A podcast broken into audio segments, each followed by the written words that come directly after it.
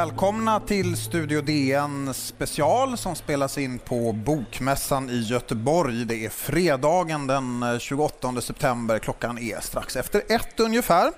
Vi ska försöka sammanfatta det politiska läget i den här mycket, mycket händelserika veckan där det har valts en talman och avsatts en statsminister och påbörjats förhandlingar om eh, en regering som faktiskt ingen egentligen anar konturerna av än. Vi ska göra det tillsammans med Andreas Johansson Heinö ifrån Timbro. Välkommen. Tack så mycket. Hur skulle du eh, sammanfatta den här veckan? Ja, det är inte så lätt. Nej. Jag satt i en panel en våning ner här igår och jag har aldrig sagt jag vet inte så ofta i en panel tror jag. För att, vad händer nu? Jag vet inte. Eh, möjligen kan man säga lite om det som har hänt, men vad, vad det betyder är ju fortfarande ganska osäkert. Nej, det är ju verkligen påfallande att de mest eh, härdade politiska experter har verkligen ingen aning Nej. om vad, vad som ska hända. Vi sitter och gissar. Ja. Eh, vad, om vi tittar på det som har hänt ja. då, kan man utläsa någonting ur det? Men vi är ju i någon slags mellanperiod nu när det, ritualerna ska slutföras. Dels de formella ritualerna med öppnandet av eh, riksmötet men också det här som man hade lovat innan valet. Man ska in i kaklet, man ska avsätta Löfven, man ska gå fram gemensamt. Det där är man tvungen att göra först för att ha gjort det där och sen kan det här stora okända påbörjas. När man ska svika sina löften eller man ska ja. ta sig ur de här omöjliga situationerna. Men man kan inte göra det först. Man måste liksom genom den här ja. ritual tyngda vägen. Ja, för det har ju verkligen framstått som just ritualer ja. som har påbörjats med eh, fraser som har upprepats gång på gång. Ja. Eh, också fraser som har varit kända också långt före, samma fraser som har varit före valet. Ibland kan man ju undra lite grann vad poängen är att partiledarna överhuvudtaget ställer upp på intervjuer när de inte har någonting nytt att komma med. Nej, men jag hann ju tänka så det här var ju en ganska behaglig valrörelse. Den var lite kortare än den brukar och ja. man hann inte riktigt, men det skulle man inte ha tänkt för nu har det fortsatt i två veckor till. Ja, valet var ju eh, andra eh, söndagen i september istället för tredje som det var tidigare. Ja. Så var lite kortare. Precis, det blev lite kortare valrörelse mm. eftersom man ändå har semester och sådär. Men, men det, allting fortsatte ju bara med att man upprepade det man... Och det brukar ju, någonting nytt brukar ju hända efter valdagen, men det gjorde det inte. Nej, det är nästan en lite spöklig känsla ja. av att valet aldrig har inträffat eftersom argumenten inte har förnyats eh, tack vare valresultatet kan jag tycka. Vad... Om man tittar på talmansvalet då, eh, finns det någonting man kan utläsa ur det av, av, det som ska komma? Att det blev en moderat som fick talmansposten? Det blev ju det troligaste. Mm. Men det avslöjade ju genom då att ett antal, vi vet inte vilka, men vi vet att några röstade inte med sina partier, utan några, eh, var de 18 om jag minns rätt? Ja alliansledamöter röstade aktivt på Björn Söder när de andra la ner. Just det, det var ju nästan det mest spektakulära i uh, talmansvalet. Det som hände när man röstade om tredje vice talman. Det är någonting som sällan uppmärksammas, men då stod ju centerpartisten Kerstin Lundgren mot Björn Söder och då var det alltså 18 Valet är ju hemligt, men det är troligt att det var moderater som ja. röstade på en sverigedemokrat före en centerpartist. Vad drar man för slutsatser av det?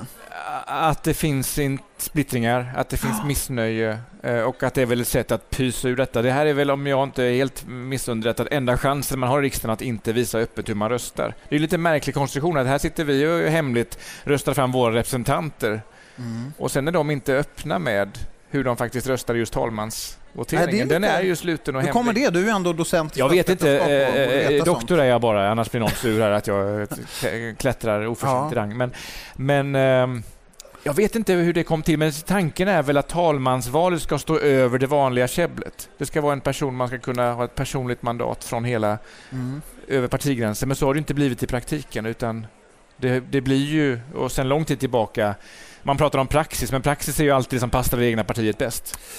Ja, det har varit väldigt tydligt det där att man har åberopat logik. Och man kan tolka det på, på olika sätt. Men, men eh, det blev lite, den här gången blev det olyckligt, för jag vill ju veta vem som röstar på, på vad i Sveriges riksdag. Ja. Det är man ju nyfiken på. Att Hanif Bali röstade på Björn Söder är väl en kvalificerad gissning kanske? Det får stå för dig. Eh, sen kan man ju fråga sig vilken roll det spelar med talmansvalet. Det är väl ingen som tror egentligen att Andreas Norlén skulle ge massa fördelar till, eh, till uh, Ulf Kristersson bara för att han råkar vara moderat. Det är ju ingen som hävdar från de som vill ha en socialdemokrat heller. Norlén har ju ett jättestort förtroende, en hedersam, jättekompetent politiker. Men det var en symbolisk markering och mm. att man vill vinna de segrar man kan vinna även om de är oerhört små och inte jättebetydelsefulla.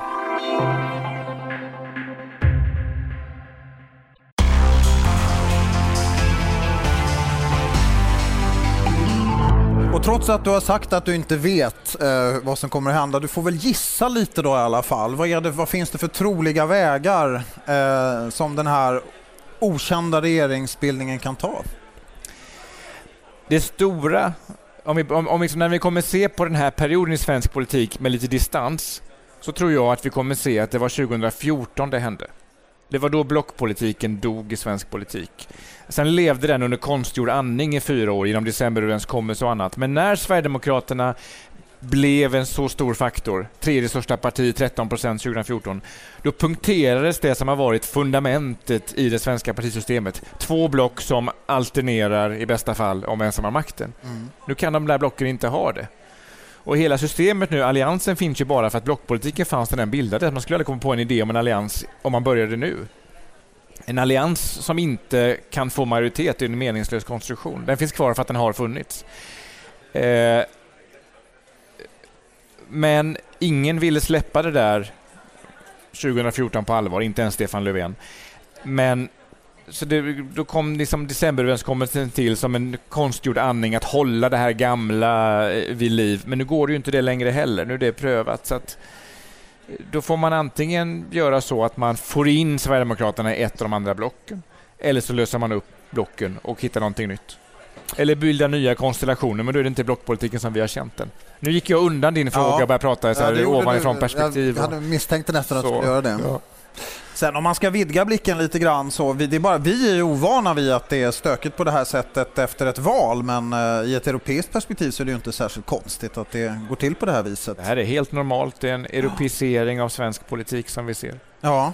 I vilken mån handlar detta om, faktiskt egentligen bara om vår ovana vid att eh, det kan gå till på det här sättet? Att vi är så vana vid blockpolitiken? Nej, men det är ganska mycket. Ingenting som har hänt i svensk politik är konstigt om inte man är väldigt insnöad på just svensk politik och bara ser den. Um, vi har ju avskaffat mitten i svensk politik. Trots att vi hade under decennier att Socialdemokraterna och Moderaterna faktiskt närmade sig varandra i ståndpunkter i sak och även de, de ideologiska eh, spänningarna minskade. Det går liksom inte att jämföra avståndet i sak mellan Salin och Reinfeldt kontra Palme och Boman. Mm. Trots det så har vi sett en polarisering där mitten har försvunnit. Miljöpartiet gled vänsterut. Centern brukade vara en mest i mitten, står längst till höger nu i ekonomiska frågor och så. Så mitten har försvunnit. Sverigedemokraterna kan inte bli den mitten av, av andra skäl. Ehm, och, och, ett, antingen har man ett brittiskt system med två stora partier, sånt system. Eller så har man ett flerpartisystem och då behöver man balansspelare, de här lite otrogna figurerna i mitten som kan byta sängkamrater lite då och då. Mm. Liberala partier i, runt om i Europa de brukar växla mellan att regera tillsammans med social, socialister, socialdemokrater eller konservativa kristdemokrater. I Sverige har Liberalerna, Folkpartiet, aldrig varit i regering med Socialdemokraterna. Centern var det när de inte var liberaler för jättelänge sedan. Så där, där, vi har en annorlunda uppsättning i Sverige där ja. liberaler inte är i mitten. Nej, och om, om, om, mitten upplöses då blir det ju lite grann som i USA att då blir det ju inte viktigt att hitta väljare i mitten utan då blir det viktigt att hitta, att mobilisera istället, att mobilisera sina anhängare. Så då blir det ju per definition ett mer polariserat landskap. Ju. Och det såg vi lite av. Vi hade ett ökat valdeltagande i det här valet igen. Och det handlar mycket om en ökad mobilisering där inte minst socialdemokratin tror jag gjorde en jättebra sista vecka eller sista två veckor där man fick igång de gamla apparaten och folk som kanske struntat i att rösta annars gick och röstade på Socialdemokraterna. Mm. Och det drabbade Sverigedemokraterna. De ja. ser lite svagare ut än vad de är för att de andra var så starka i slutspurten med att just mobilisera. Och då, då är det kärntrupperna man mobiliserar, de som drar sig utåt kanterna. Det är inte en strida mitten längre.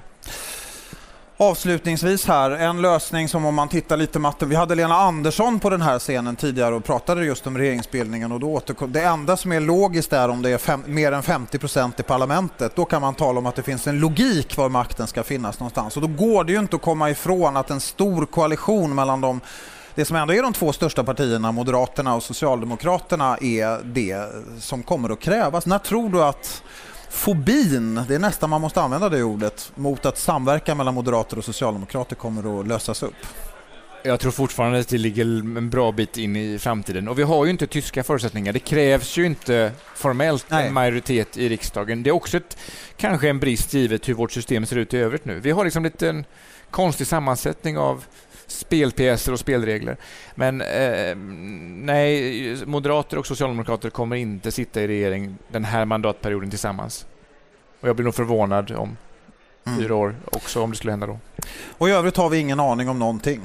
Nej. Nej. Och vi avslutar med det. Tack så mycket Andreas Johansson Heinö från Timbro. Tack publiken för att ni har lyssnat.